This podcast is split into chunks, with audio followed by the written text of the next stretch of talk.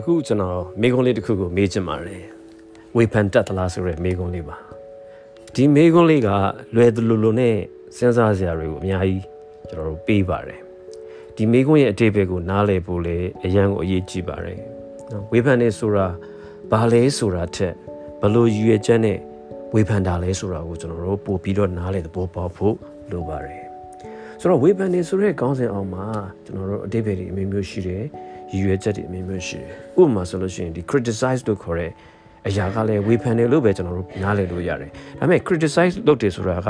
ဒီအပြစ်ရှာကျင်တာလားနော်အပြစ်ရှာတယ်ပေါ့ဗျာလူတစ်ယောက်ရဲ့အားနည်းချက်လူတစ်ယောက်ရဲ့အမားကိုရှာပြီးတော့ပြောတာမျိုးကိုကြတော့ကျွန်တော်တို့ကဒါ criticize လုပ်တယ်လို့ခေါ်တယ်ဆိုတော့ဝေဖန်တယ်ဆိုတဲ့နေရာမှာကိုကလူတစ်ယောက်ရဲ့အမားကိုရှာပြီးတော့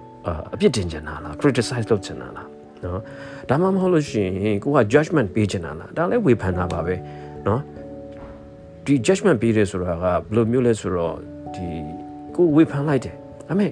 ကိုပြောလိုက်တဲ့နောက်မှာဘာဘာတခါတည်းတွဲလိုက်သွားလဲဆိုတော့ဒီစီရင်ချင်းဆိုတဲ့ဒီ consequences ပေါ့နော်အကျိုးဆက်ရလက်ကပါတခါတည်းပါသွားတယ်ဥပမာကိုကနေပြီးတော့ကိုယ့်ရဲ့ဝန်ထမ်းကိုပြောတယ်အာမင်းရဲ့ performance ကနော်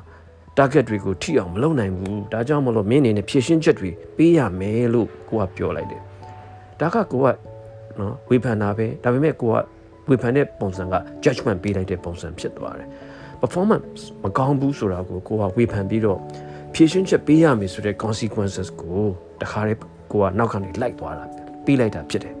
ဒီလိုမျိုးလုပ်တာကိုကျွန်တော်တို့က judgment လုပ်တယ်လို့ကျွန်တော်တို့ပြောလို့ပြောလို့ရတယ်များသောအားဖြင့်ဒီလိုမျိုးက နော်ယာရုကြီးတဲ့သူကနေပြီးတော့သူအောက်လက်အောက်ငယ်သားဝန်ထမ်းတွေကိုအပေါ်မှာကျွန်တော်တို့လှုပ်လေလှုပ်ထားရှိတယ်ပေါ့လေနောက်ထပ်ဝေဖန်တာတစ်မျိုးကကြတော့ဘာလဲဆိုတော့ feedback ပေါ့နော် feedback ဆိုတာလည်းနောက်တစ်မျိုးပါပဲသူကကြတော့လူတစ်ယောက်ယောက်ရဲ့လုပ်ရဲ့အပေါ်မှာ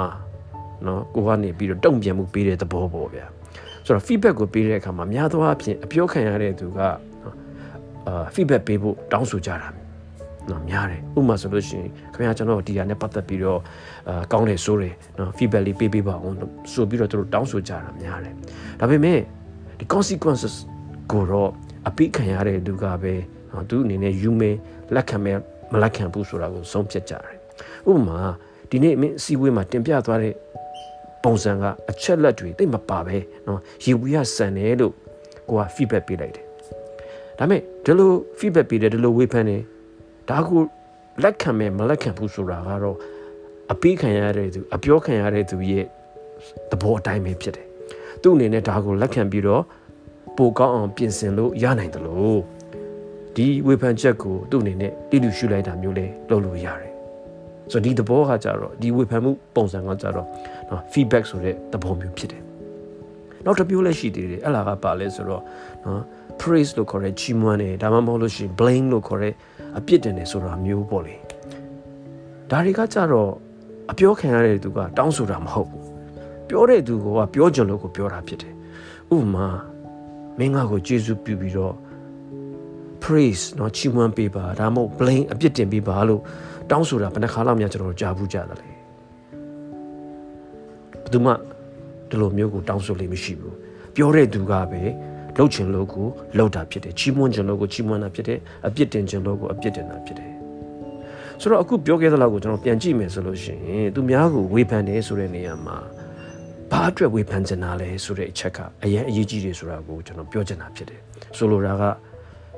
ကိုယ်အနေနဲ့ဝေဖန်ပြီးအပြစ်ပေးစူပေးချင်တာလားပြောချင်တာ judgment လုပ်ချင်တာလားဒါမှမဟုတ်ဝေဖန်ပေးပါလို့နော်ပြောလို့ ကိုထင်တာကိုကိုပြောပြတာလားဒါမှမဟုတ်ကိုစိတ်ထဲကသဘောကျလို့သဘောမကျလို့ချီးမွမ်းနေအပြစ်တင်နေအဲ့လိုမျိုးကိုကိုလုပ်တာလားဆိုတော့အဲ့ဒါတွေကိုကျွန်တော်အသေးချာနားလေသဘောပေါက်တဲ့အခါမှာကိုယ့်ရဲ့ဝေဖန်ခြင်းကိုကိုရည်ရွယ်ထားတဲ့အတိုင်းအသေးချာလုပ်ဖြစ်သွားဖို့ပုံများလာမှာဖြစ်တယ်ဆိုတော့ဒါကြောင့်မလို့ကျွန်တော်အနေနဲ့ဒီမိကုံးလေးကိုနားလည်ဖို့အတွက်เนาะမေးရတာဖြစ်တယ်ခင်ဗျားတို့ဝေဖန်တတ်သလားဆိုတာဆိုတော့ဒါကဝေဖန်တတ်သလားလို့ကျွန်တော်မေးလိုက်တဲ့အမေကုံးက